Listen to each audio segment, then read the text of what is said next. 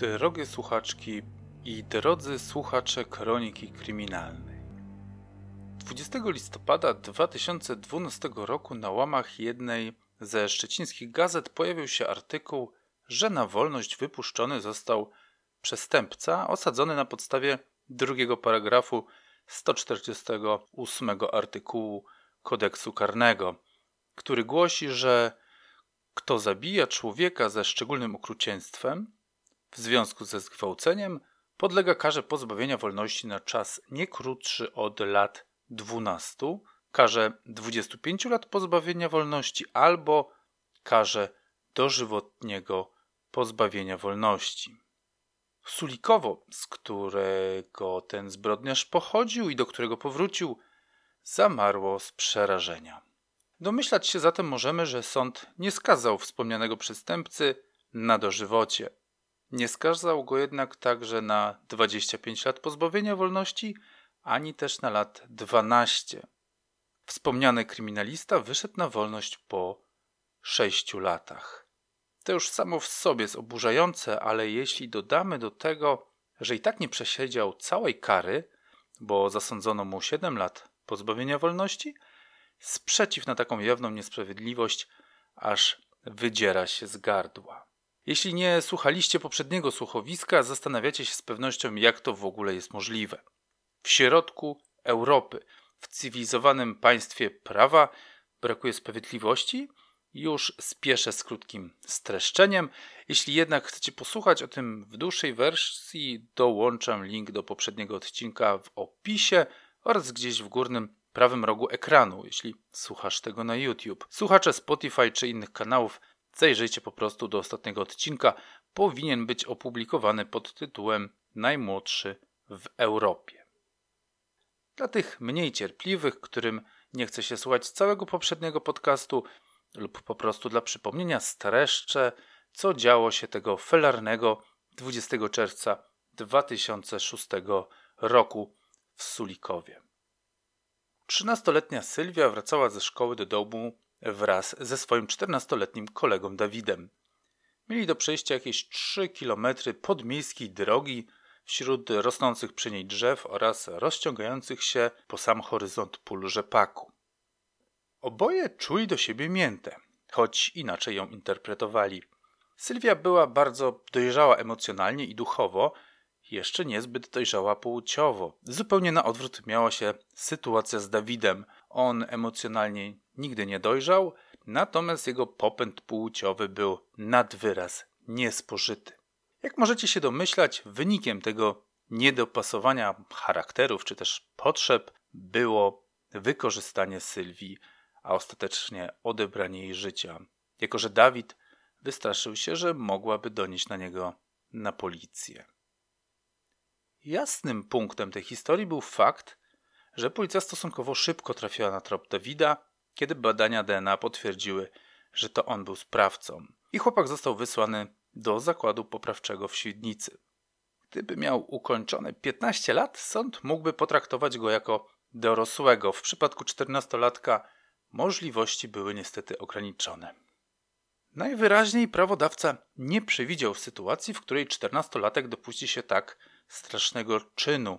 I w zasadzie ja się nie dziwię. Miałem w wieku 14 lat kolegów, którzy byli czystą patologią, ale nie potrafię sobie wyobrazić, aby któryś z nich mógł popełnić tak straszną zbrodnię. Wróćmy do Dawida. Został zatrzymany na 7 lat, jak stanowi prawo, więc nawet jeśli nas to oburza, nie możemy się za bardzo czepiać. Jednak prawo to prawo. W skrócie, mieszkańcy Sulikowa mogli choć trochę czuć się spokojni i bezpieczni, mając w perspektywie, że Dawid, który zbezcześcił i pozbawił życia ich sąsiadkę, siostrę, ostatecznie i córkę, wróci do domu w wieku 21 lat. I choć nie byłaby to adekwatna kara, gwarantowałaby choć 7 lat bezpieczeństwa na terenach powiatu kamieńskiego.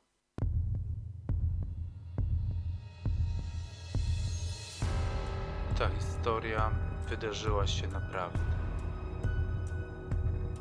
Aby zachować jej spójność, brak niektórych faktów wypełniony został koniekturą i presumpcją. Nazywam się Tomasz Szczepański, a to jest Kronika Kryminalna. Sezon drugi. Polscy nastoletni zbrodniarze. Matka Dawida naiwnie, ale pod dyktando miłości, wierzyła, że te lata spędzone w zakładzie poprawczym sprawią, że jej syn zastanowi się nad tym, co zrobił i że się zmieni. Ja chyba nigdy nie wierzyłem w cud resocjalizacji. Nie odmawiam wprawdzie tym, którzy przez lata zamknięcia z bandytami i odizolowania od zdrowej społeczności rzeczywiście się naprawili, ale są to chyba nadal tylko jednostki, jakiś niewielki odsetek czy też promil na tej ogromnej rzeszy recydywistów. Tych formalnych i tych, którzy już drugi raz nie dali się po prostu złapać. Historia Dawida nauczyła mnie jednak wierzyć w coś, czego nigdy wcześniej nie chciałem przyjąć do wiadomości, a mianowicie, że istnieje czyste zło. Do tej pory miałem z siebie za racjonalistę z pewną domieszką naiwnego idealizmu oraz zimnego cynizmu. Generalnie uważałem, że człowiek z natury jest dobry, a błędy czy nawet zbrodnie popełnia z jakiejś głupoty, niemocy czy też frustracji. Uważałem, że wszystko da się racjonalnie wytłumaczyć na podstawie psychologii, środowiska, w którym taki człowiek dorastał, i że zawsze jakiś czynnik sprawiał, że ktoś popełniał zbrodnię. Im bardziej zagłębiam się jednak w świat zbrodni, tym silniej zaczynam wątpić. Nadal będę przy tym obstawał, że większość zła bierze się z głupoty, frustracji i innych czynników, ale coraz bliższy jestem przekonania, że są na świecie także osoby z gruntu złe. Po prostu złe. Jest to z pewnością margines. Powiedziałbym nawet, że to jednostki jak geniusze lub święci, ale jednak takie osoby są. Na nasze szczęście większość z nich nie kończy tak jak niesławny i niedoszły wiedeński malarz, czy też gruziński rewolucjonista Dżugaszwili i nie udaje im się pogrążyć w swoim chaosie milionów ludzi, ale jednak pozostawiają bolesne blizny na ludzkiej tkance i niezabliźniające się rany na najbliższej rodzinie ofiar. Takim złem wcielonym jest, moim zdaniem, wspomniany Dawid, najmłodszy w Europie zabójca na tle seksualnym. Dawid został umieszczony w zakładzie poprawczym w Świdnicy, gdzie miał spędzić następne 7 lat. Sądzę, że musiał się wybitnie wzorowo zachowywać, bo niespełna po roku od siatki Dawid dostał przepustkę i mógł na jakiś czas przyjechać do domu. Nie wiem, co czułbym na miejscu rodziców Sylwii, gdybym po niespełna roku zobaczył na mojej ulicy nieopodal mojego domu jej oprawcę. Radosnego, uśmiechniętego, z zawadiackim spojrzeniem mówiącym: No i co mi zrobisz?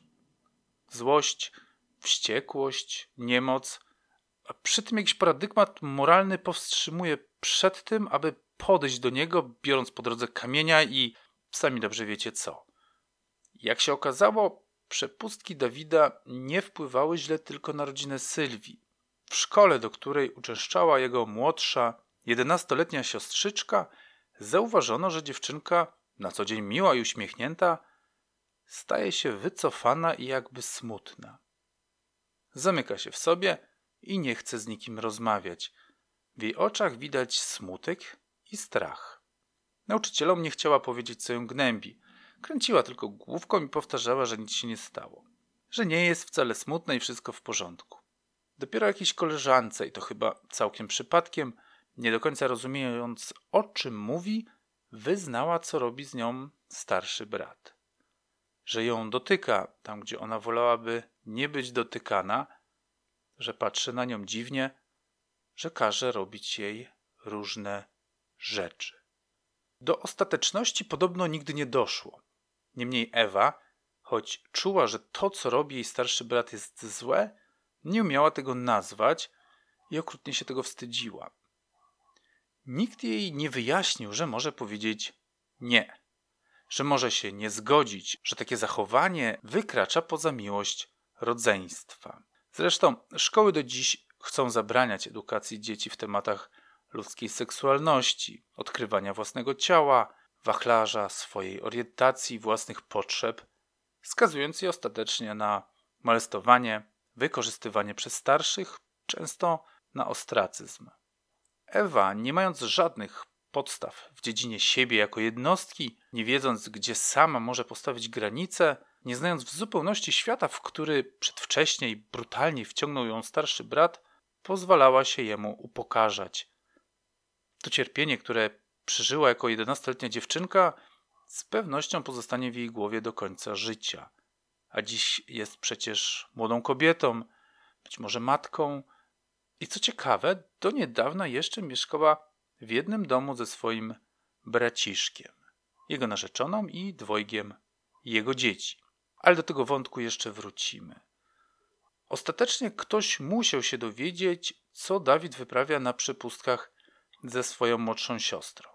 Czy była to dyrekcja szkoły, do której uczęszczała Ewa, czy może policja, czy nawet jakiś sąsiad? Nie wiadomo, niemniej ktoś to zgłosił i informacja dotarła do zakładu poprawczego, w którym zatrzymany był Dawid. I zostały wyciągnięte konsekwencje jego kazirodczych czynów. Mam nadzieję, że teraz siedzicie, bo sposób, w jaki ukarano Dawida, zwala z nóg nawet najtwardszego maczo. Dawidowi odebrano przepustki. Nie odbyła się żadna dodatkowa rozprawa, nie próbowano osądzić go jak dorosłego, choć wtedy mógł mieć już 16, a nawet 17 lat. Do kary poprawczaka nie wlepili mu dodatkowych kilku lat za molestowanie siostry, nie przenieśli go do więzienia. Nie zmieniło się u niego nic, poza tym, że odebrano mu przepustki. Z historii o Sebiksie i Jessice wiecie doskonale, co powoduje odebranie młodocianemu przestępcy przepustki, i tak też było w tym przypadku. Dawid uciekł z poprawczaka. Zastanawiam się tak na marginesie, czy którykolwiek osadzony w poprawczaku przejął się tym, że odebrali mu przepustkę i nie uciekł, a zamiast tego grzecznie czekał. Może trafię kiedyś na taką sprawę, to chętnie się z wami podzielę. Na dzień dzisiejszy w takie cuda nie wierzę.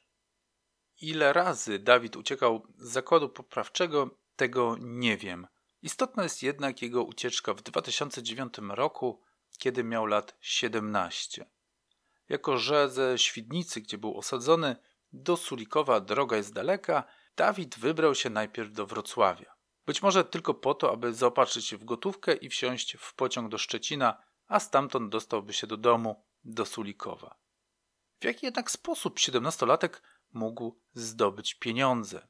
W tamtych czasach nie było jeszcze rowerowych dostawców jedzenia, więc Dawid nie znalazł innego sposobu jak zaatakowanie 18 czy 19-letniej dziewczyny. Zaszedł ją od tyłu, przystawił nóż do gardła i kazał oddać pieniądze. Dziewczyna miała jakieś 650 zł, które musiały zrobić na Dawidzie wystarczające wrażenie, aby ten jej nie skrzywdził i pozwolił odejść. Policja złapała Dawida już po kilku godzinach. Bandyta został umieszczony w schronisku dla nieletnich w Szczecinie. Dyrektor ośrodka poprosił sąd o przeniesienie Dawida do placówki o zaostrzonym rygorze. Można by już z tego wnioskować, że profesjonalista w dziedzinie penitencjaryzmu, czyli ów y, dyrektor szczecińskiego schroniska, widział, że Dawid jest pewnego rodzaju ewenementem, któremu należy się specjalne traktowanie, że jest po prostu niebezpieczny i poprawczaki czy inne placówki dla młodzieży go nie powstrzymają, można by było z tego wnioskować, że Dawid potrzebuje bezwzględnego więzienia. Po jakimś czasie odbyła się też rozprawa w związku z napadem na kobietę we Wrocławiu ja jako laik byłem przekonany, że jeśli w trakcie odbywania kary popełni się przestępstwo, można sobie co najwyżej wyrok przedłużyć. Podkreślę, jako laik. Gdybym miał prawnicze wykształcenie, dowiedziałbym się, że jeśli młodociany przestępca ucieka z zakładu poprawczego, a później napada na Bogu ducha winną kobietę, może skrócić sobie wyrok o ponad rok. Moim zdaniem to się opłaca. Dawid, który miał wyjść za 4 lata, dostał teraz 3 lata więzienia, a karę poprawczaka sąd mu anulował. I zamiast w 2013 roku nasz Dawidek wyszedł na wolność w roku 2012. A żeby było ciekawiej, dodam, że niektóre media donoszą, że wyszedł wbrew opinii seksuologów, którzy podkreślali, że to niebezpieczny drapieżnik. Doktor Jerzy Pobocha powiedział w wywiadzie dla jednej ze stacji telewizyjnych: Na podstawie tego pierwszego przestępstwa i kolejnych jego zachowań istniało wysokie prawdopodobieństwo, że popełni podobny czyn w przyszłości. To są osoby, które nie mają moralnych uczuć, moralnych zahamowań. Psychiatra tłumaczy, że ludzie tacy jak Dawid muszą być monitorowani i nadzorowani. Muszą się kontaktować z lekarzem, psychoterapeutą, kuratorem itd. Tak Trzeba sobie jasno powiedzieć, czy lepiej jest, żeby on był w jakimś sensie izolowany, co zrobiono dla pedofilów, czy lepiej jest czekać i liczyć na to, że może nie zabije. Pytanie jest zatem, co zawiodło, samo się nasuwa. Dlaczego wszyscy byli zgodni w tym, że nie wolno takiego człowieka wypuszczać z więzienia, a na pewno nie pozostawiać samego sobie, a jednak nikt z tym niczego nie zrobił? Przeglądając archiwa, natknąłem się na artykuł Tomasza Maciejewskiego z listopada 2012 roku, którym rozpocząłem dzisiejsze słuchowisko. Artykuł zatytułowany jest Skazany za morderstwo i gwałt wrócił do domu, sulikowo w strachu. Dziennikarz już wtedy starał się bić na alarm, że wypuszczenie tak groźnego przestępcy nie jest dobrym pomysłem. Lecz zdaje się, że żaden decydent się tego nie słuchał. Nie mogę pozbyć się wrażenia, że chyba tylko decydenci i sąd pozbawieni byli refleksji, że postać o takim dorobku w tak młodym wieku jak Dawid ma apetyt na więcej i raczej nie będzie przechodził jeszcze na emeryturę. I co prawda, Dawid miał uderzyć dopiero za 9 lat, a przynajmniej dopiero wtedy zrobi to tak, że policja go szybko namierzy, ale mimo wszystko jego obecność w rodzinnej wiosce wpłynęła bardzo negatywnie na społeczeństwo. Autor wspomnianego przeze mnie artykułu podkreśla przy tym, że Dawida po wyjściu z więzienia nie monitorował ani psycholog, ani kurator, a policja nie miała prawa go inwigilować. Nie znaczy to wcale, że funkcjonariusze odpuścili sobie temat. Patrole w okolicach zostały wzmożone, dzielnicowy częściej odwiedzał państwo J, policja podjęła współpracę z gminnym ośrodkiem pomocy społecznej. Sierżant Marta Szołtun stwierdziła, Funkcjonariusze z ogniwa patrolowo-interwencyjnego są wyczuleni na ewentualne zdarzenia z udziałem tego mężczyzny. Robimy to, na co pozwala prawo i nasze możliwości kadrowe, dodaje. Po chwili z jakąś nutą rezygnacji, ściszając lekko głos, mówi także: Policjant nie może stać na każdej ulicy, a radiowóz cały czas patrolować jednej miejscowości. Nic zatem dziwnego, że powrót Dawida stał się pewnym nierealistycznym dramatem dla mieszkańców Sulikowa. Oto mieli mieszkać obok mordercy i gwałciciela, który za swój czyn przesiedział jakieś trzy lata w poprawczaku. Tych trzech kolejnych nie liczę, bo dostał je za grożenie nożem. I tu możecie sobie zestawić te dwa czyny. Gwałt i morderstwo równa się trzy lata poprawczaka. Grożenie nożem i kradzież trzy lata bezwzględnego więzienia. I niech będzie, tak ja hiperbolizuję i naginam rzeczywistość, ale w praktyce tak właśnie się stało. No i proszę sobie wyobrazić całą rodzinę Sylwii, którą Dawid zbezcześcił i zabił sześć lat temu. Oni musieli być przerażeni, oto widzą za oknem chłopaka, który zamordował ich córkę, idzie sobie wolny i pogwizduje z rękoma w kieszeniach, uśmiechając się do nich drwiąco. Matka Sylwii wyznała prasie, Żyjemy w ciągłym strachu, że znowu ten zwyrodnialec skrzywdzi nasze dzieci. Szliśmy na spacer, a on siedział w ogródku i śmiał się nam prosto w twarz. Nie mogę tego zapomnieć do dziś, że morderca naszej córki jest wolny. Dawid miał podobno także rzucać groźby karalne rodzinie Sylwii, że ich wszystkich zabije. Rodzice bali się wiele miesięcy wypuszczać swoje dzieci z domu. Ostatecznie gmina czy powiat, w których mieszkała rodzina Sylwii, a może we współpracy, zachowały się dość przykładnie, bo zapewniły rodzinie lokal socjalny w innej miejscowości. Dzieci przeniesiono do innej szkoły. Wszystko, aby rodzina nie musiała patrzeć na tego zwyrola. Lecz co to za rozwiązanie, że to ofiary muszą ukrywać się przed agresorem? Dziennikarz kończy swój artykuł, napisany dla przypomnienia w listopadzie 2012 roku, następującym zdaniem. Dawid J. całymi dniami siedzi w domu. W Sulikowie trudno go spotkać, ale podobno był widywany w miejscowościach nadmorskich, między innymi w Pobierowie. Otwiera tym zdaniem lufcik do dalszej historii. Sugeruje, że Dawid, niby siedząc w domu, niby nie pokazuje się ludziom, a jednak widywany jest tu i ówdzie, a to oznacza, że znowu może uderzyć. Jak z pewnością doskonale wiecie, Dawid uderzył po raz kolejny.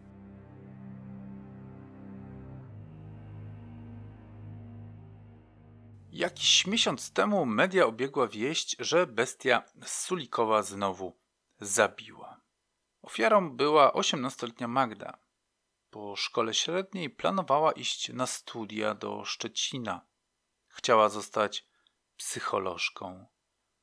Znaleziono ją w gęstwinie na jakichś mokradłach z twarzą tak zmasakrowaną, że dopiero badania DNA potwierdziły, że to rzeczywiście ona. Na prośbę swojego ojca pojechała skuterem do Kamienia Pomorskiego na zakupy. Podobno skuter jej się zepsuł, a znany nam Dawid, w tym momencie już 29-letni mężczyzna, mąż i ojciec, zaproponował jej podwiezienie do domu. Trudno powiedzieć, czy Magda go kojarzyła. Na pewno słyszała o wydarzeniach sprzed 15 lat, kiedy sama miała 3 latka, ale być może nie widziała nigdy twarzy Dawida i była zupełnie nieświadoma, że wsiada do samochodu zwyrodniałego mordercy i gwałciciela.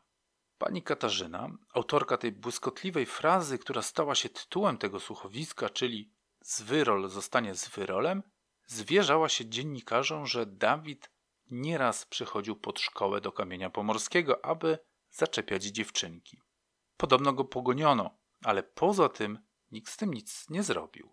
Dawid od momentu wyjścia na wolność aż do ponownego zabójstwa, a ja, nie mając żadnych dowodów, a jedynie nieodparte niczym przypuszczenia, będę upierał się przy tym, że do ponownego zabójstwa, które zostało wykryte, mieszkał w Sulikowie w swoim rodzinnym domu na tej samej ulicy, na której mieszkała kiedyś rodzina Sylwii, aż nie uciekła ze strachu. Mieszkał tam ze swoją matką oraz jej konkubentem, z dwiema siostrami, wśród nich ze wspomnianą przeze mnie Ewą. Mieszkał ze swoją narzeczoną oraz dwójką córeczek. Jak Ewa, jego młodsza siostra, dawała sobie radę żyć z nim pod jednym dachem, jak mogła codziennie na niego patrzeć, być może słyszeć przez ścianę, jak kocha się ze swoją narzeczoną, nie mam pojęcia. Co ona musiała wtedy myśleć? Co działo się w jej głowie? Dla mnie to wszystko pewna abstrakcja, której nie jestem w stanie pojąć. Pan Hubert, ojciec zabitej przez Dawida Magdy, nie może natomiast pojąć, jak człowiek z taką kartoteką mógł chodzić wolno po ulicach. A zwłaszcza, jak mógł znaleźć kobietę, która, znając jego przeszłość, zechciała z nim być i rodzić mu dzieci. I choć ja sam patrzę na to ze zdumieniem, słyszałem już wielokrotnie o kobietach, które dosłownie zakochują się w zbrodniarzach. Jest między innymi pani Phyllis Wilcox, która zakochiwała się w amerykańskich mordercach takich jak Henry Lee Lucas, o którym swoją drogą przygotowuję odcinek, oraz Charles Manson. Więc mimo, że jestem zdumiony, wiem, że są takie kobiety. Wróćmy jednak do pana Huberta, ojca Magdy. Widziałem go w reportażu jednej ze stacji telewizyjnych. Starszy mężczyzna z niepełnym uzębieniem, twardą skórą na palcach dłoni, między którymi tlił się papieros, o twarzy zmęczonej i poranej latami ciężkiej pracy w słońcu i w deszczu, w której jednak dostrzec można dobre serce i oddanie rodzinie. Pan Hubert od 15 lat samotnie wychowywał trzy córki, a wśród nich Magdę, tę najmłodszą. Pan Hubert opowiada, jak zrobił niedawno pranie i je powiesił a wtedy wśród schnących ubrań dostrzegł jakieś ciuchy Magdy, których ona już nigdy nie założy. Głos się panu Hubertowi łamie. Mówi, że do tej pory nie wszedł do jej pokoju i sam nie wie, czy kiedykolwiek zdoła. Widać, że to człowiek twardy, wystawiany wielokrotnie przez życie na próby. Człowiek, który swoją wrażliwość ukrywa głęboko pod skórą, bo jest świadomy swoich obowiązków. Być może machnąłby teraz na to wszystko ręką, położył się, przecież swoje życie już przeżył, mógłby się załamać i doczekać tak do końca swoich dni. A jednak on wie, że jeszcze ma dla kogo żyć. Nie ma czasu na rozpacz. To człowiek ciężkiej pracy i widać, że mimo cierpienia zakasa rękawy i będzie dalej ciężko pracował i żył. Być może jeszcze ciężej. Oddajmy jeszcze głos sąsiadom Dawida, a na sam koniec jego ojczymowi. Mieszkańcy Sulikowa przypominają, co ja już też wspominałem w poprzednim odcinku, że Dawid, będąc jeszcze dzieckiem, maltretował zwierzęta. Jego matka nie pracowała, a ojciec też był karany za przestępstwa seksualne. Kiedy wrócił z poprawczaka, ludzie się go bali, ale nie mieli alternatywy. Nie mogli przecież wszyscy, tak jak rodzina Sylwii, wyprowadzić się z Sulikowa. Choć wydawało się, że skoro Dawid się ustatkował, ma narzeczoną i dzieci, nie popełni już żadnej zbrodni. W tym momencie, kiedy okazało się, że Dawid był bombą o opóźnionym zapłonie, wielu mieszkańców Sulikowa najchętniej rozprawiłaby się z nim sama.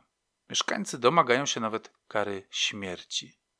Ludzie boją się o swoje znajome, o siostry i matki.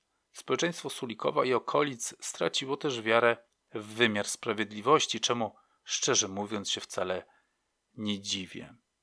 Rozmówca jednej z gazet, pan Igor, mówi: Nikt tu nie czuje się bezpiecznie, kiedy wypuszczają mordercę i gwałciciela po śmiesznym wyroku. Tutaj nie chodzi o to, że ktoś chce mu zrobić krzywdę, bo zasłużył, czy żeby sobie ulżyć. Ludzie są zmuszeni przez taką sytuację, by brać sprawy w swoje ręce. Nie chodzi o karę za to, co zrobił, tylko o to, że mógłby kogoś jeszcze skrzywdzić. Zwłaszcza, że nieraz to zrobił. Więc są ku temu solidne przesłanki. Ojczym Dawida zdaje się być tak samo zdumionym tym, co się wydarzyło, jak reszta społeczeństwa. Mój Boże, jestem zszokowany tym, co się stało, mówi. Nikt z nas nie sądził, że może zrobić coś takiego. Po tym wszystkim, co kiedyś zrobił, ustatkował się. Przecież był takim dobrym narzeczonym i bardzo kochał swoje dwie córeczki. Po tym, co wcześniej przeskrobał, powinien cały czas być pod nadzorem instytucji, które by go kontrolowały. Gdyby tak było, to sądzę, że nie doszłoby do tego morderstwa, a tak znów jest tragedia. Wydaje mi się, że wszyscy mamy to samo wrażenie, co ojczym Dawida. Wszyscy odczuwamy żal do służb i do poszczególnych organów państwa. Być może też zadajcie sobie to banalne, jeśli nie retoryczne pytanie, czy można było tej tragedii zapobiec? No i odpowiedź wydaje się być oczywista, jeśli tylko prześledzimy żywot Dawida. Inne pytanie, które mi się nasuwa, czy w pobliżu ginęły przez tę niecałą dekadę inne młode kobiety, dziewczynki, a sprawcy nie zostali ujęci? Sprawy może zostały umorzone. Rozsądek podpowiada mi, że jest to raczej mało prawdopodobne, bo mając takiego przestępcę w okolicy, policja pewnie w pierwszej kolejności do niego pukała. A jednak pewna wątpliwość we mnie pozostaje. Bo tym razem zatrzymano Dawida, gdyż nagrał go monitoring. A co by było, gdyby nie nagrał?